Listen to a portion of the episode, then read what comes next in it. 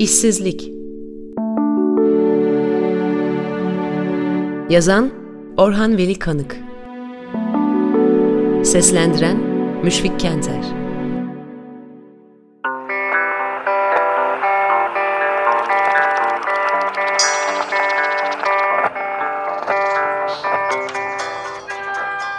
İşsizlik kötü şey ve selam. İşsizliğin kötü olduğunu da yalnız aç kaldığım zamanlar düşünüyorum. Can sıkıntısından bunaldığım sıralarda da düşünsem ya olmuyor. Bu bahçeye de hep böyle zamanlarımda gelirim. Neden acaba? Etraftakilerin de çoğu işsiz.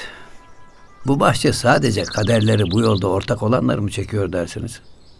Olabilir. Vakit öyle iyi geçiyor. Açlıktan bahsettim ama pek de aç değilim. Bununla beraber neden bilmem etraftakilerden utanıyorum. Herkesin yemeğe gittiği bir saatte benim parasız pulsuz buralarda dolaşmam bir suçmuş gibi geliyor bana. Boş sıralardan birine oturdum. Düşünmeye başladım. Bereket versin cigaram var. O da olmasa felaket. Bilmem ne dağındaki petrol arama kampında bir iş teklif etmişlerdi. Gitseydim kötü mü olurdu sanki? Enayilik işte parayla pulla değil ki. Bir odam olurdu hiç olmazsa. Ev kirası düşünmezdim. Yemek parası düşünmezdim. Sabahları acı kahvemi içebilir. Öğle akşam yemeklerini kampın tabuldotundan yiyebilirdim. Tabuldotu düşünür düşünmez karnım guruldamaya başladı. Demek acıkmışım. Şu yemek denilen şey de tuhaf bir şey. İnsanlar neler icat etmişler. Düpedüz ot yemek yahut çiğ çiğ et yemek dururken neler çıkarmışlar ortaya. Balığı denizden tutacaksın. Başka çeşit olursa olmaz. Levrek olacak. Ateşi yakacaksın, suyu kaynatacaksın, levreyi içine atacaksın, haşlandıktan sonra çıkaracaksın, bir tabağa koyacaksın, soğutacaksın. Başka bir kabın içine tavuktan çıkan yumurtayı kıracaksın. Başlayacaksın çalkalamaya. Yumurta hep aynı tarafa doğru çalkalanacak. Bir yandan ince ince zeytinyağı dökeceksin. Zeytinyağı iplik gibi dökülecek. E, zeytinyağının da hikayesi ayrı. Zeytini daldan koparacaksın, ezeceksin, yağını alacaksın. Mutlaka zeytin olacak. Fındık olsa olmaz, susam olsa olmaz, pamuk olsa olmaz. Zeytin. Zeytinyağı iplik gibi dökülecek. Yumurta ile zeytinyağı koyulaştın biraz limon damlatacaksın. Onun da kararı var. Fazla damlatırsan kesiliverir. Yumurta ile zeytinyağı kıvamını bulunca bir kaşıkla onu soğumuş levreğin üstüne gezdireceksin. Oldu mu sana mayonezli levrek? Kim bilir belki de olmadı. Ama olmazsa olmasın ahçı değilim ya. Mayonezli levreğin de ne hoş bir kokusu vardır. Acı cevize benzer.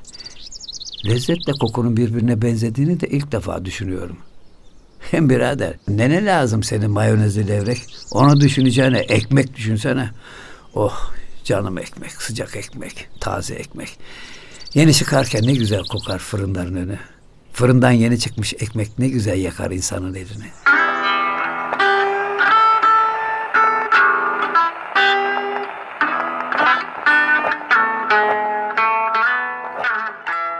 Evet, petrol kampına gitmeliydim. Gerçi şehirden tanıdıklardan uzak kalacaktım ama ne çıkar? Orada da ahbaplar bulamaz mıydım? Bir petrol kampında ne gibi ahbaplar bulunabilir? Şimdi de onu düşünüyorum. Mesela Amerikalı bir mühendis bulunabilir. Mesela Teksaslıdır. Macera dolu bir hayatı vardır. Petrol işi macera işidir. Nereden ne çıkacağını kimse bilmez. Jeolojik kaidelerine göre bir yerde petrol damarları rastlamak gerekir. Araştırmalara girişilir, yıllarca uğraşılır, bir şey çıkmaz. Petrol yüzyıllarca evvel oradan kaçmış başka bir yere gitmiştir. Buna karşılık hiç umulmadık bir yerden de günün birinde petrol çıkıverir.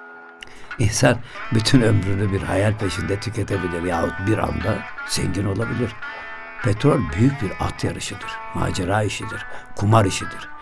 Hayatı macera ile dolu Teksaslı da bir kumarbazdır.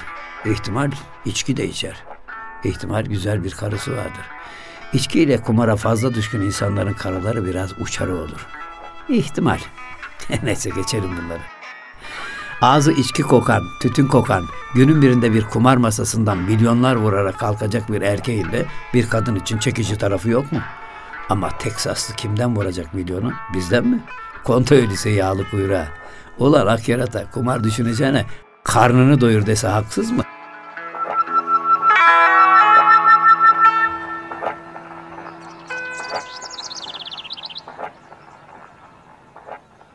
Bir kundura boyacısı geldi. Gözü ayakkabılarımda. Boyayalım beyim dedi. E şoda çek ben şimdi boya mı düşünüyorum. Çek bakalım arabanı şuradan diyecektim. Diyemedim. Kibarlığım bırakmadı. Hayır kardeşim istemez diye tatlıya bağladım. İhtimal başka ahbaplar da bulurdum petrol kampında. Mesela yaşlı bir muhasebeci. Biraz alaturka, biraz ehli keyif. Hayvan meraklısı bir adam. Mesela kedi besler. Kedisinin bir adı vardır. Mesela Pamuk. Ya kendi adı? Kendi adı Ethem Bey olmalı. Ethem Bey'in aksine pek alafranga bir de genç bulunmalı kampta. Mevkii şef olmalı, İngilizce bilmeli. Ethem Bey'e inat. Erdoğan köpek beslemeli.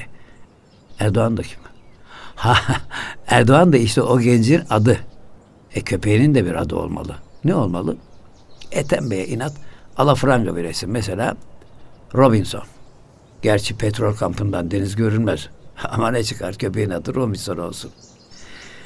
Erdoğan biraz şiirle uğraşmalı. Yazmamalı da konuşmalı. Ara sıra mısralar okumalı. Ne iyi olurdu. Onun da hep şiirden söz açardık. O ihtimal giyimi kuşamıyla modern bir genç olmasına rağmen kafasıyla bir hayli eski olacaktı. Mesela şair olarak Haşim'i severdi. Hatta Haşim'i sevmeyi bir ilerilik bile sayabilirdi. Bense Nazım Hikmet'i severim. bir türlü anlaşamazdık. O bana şiirle maddenin bağdaşamayacağını, şiirin görünmez parmakların içimizdeki tellerden çıkardığı ilahi nameler olduğunu söylerdi. Zavallı ben. Bu sözlerle ne demek istediğini sormaya bile cesaret edemezdim. Onun inancını sarsmaya gücüm yetmezdi ki. Ama ne olursa olsun bütün softalar gibi bu delikanlının da sevimli tarafları olabilirdi. Kendisini öğrendiklerinden geçirmeye gücüm yetmeyeceğini bildiğim halde onunla şiir tartışmalarına tutulmaktan da kendimi alamazdım. Benim şair Orhan Veli olduğumu da herhalde öğrenmemeliydi. Gözünden fena düşerdim yoksa hatta aleyhimde atıp tuttuğunu bile duysam kendimi tanıtmamalıydım. Varsın o rahat konuşsun desin ki Orhan Veli mi? Onlar da mı şair? Bırak şu bob stilleri Allah aşkına. Bu türlü maskaralıklar Avrupa'da çoktan geçti. Yazsalar ya vezinli kafiyeli doğru dürüst şiirler. Yazsalar ya sıkı mı? Yazamayınca ne yapacaklar? Tabii böyle bin bir şaklabanlıkla nazarı dikkati celbetmeye çalışacaklar. Kolay iş bunlar kardeşim kolay iş. Halbuki sanat o kadar kolay değil. Varsın söylesin Erdoğan söylesin boşaltsın içini. Tutup ona şiir nazariyelerini döktürecek değilim ya. Hem ne işe yarar zaten. Karşı gelebilir miyim peşin hükümlere? Önümden temiz pak giymiş bir kızla kıl pranga kızıl çengi bir delikanlı geçiyor. Ellerinde küçük bir kese kağıdı var. Şam fıstığı yiyorlar. Ekmek yiyin be ekmek. Şam fıstığının sırası mı şimdi?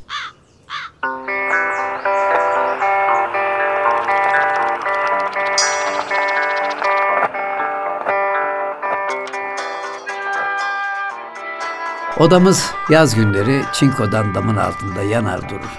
Havada bir petrol kokusu vardır. Akşam üzerleri kulelerde çalışan işçilerin gündeliklerini dağıtırım. Gün battıktan sonra ortalık biraz serinler.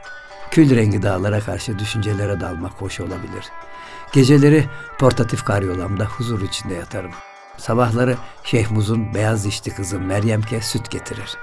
Kirli çamaşırlar varsa alıp yıkamaya götürür. Aylarca kadınsız yaşamışızdır. Meryemke'nin göğsüne, kalçalarına baktıkça aklımdan kötü kötü şeyler geçer ama tutarım kendimi. Tutarım elimden bir kaza çıkmasın diye.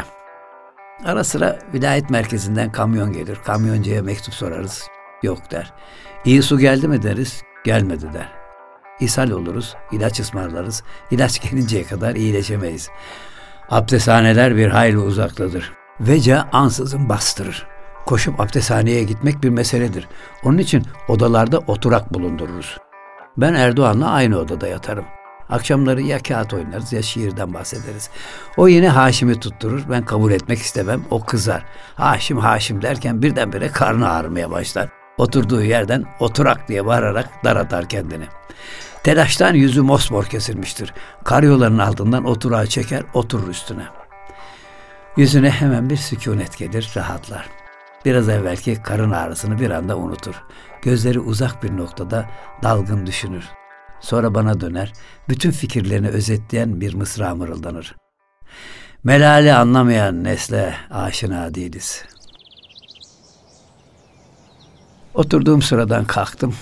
Bahçe biraz daha kalabalıklaşmıştı. Başkalarının oturduğu sıraların önünden geçerek kapıya doğru yürüdüm. Herkes başka bir şey konuşuyor. Her önünden geçtiğim insanın söylediklerine kulak misafiri oluyorum. Söylenenlerin pek azını duyabiliyorum.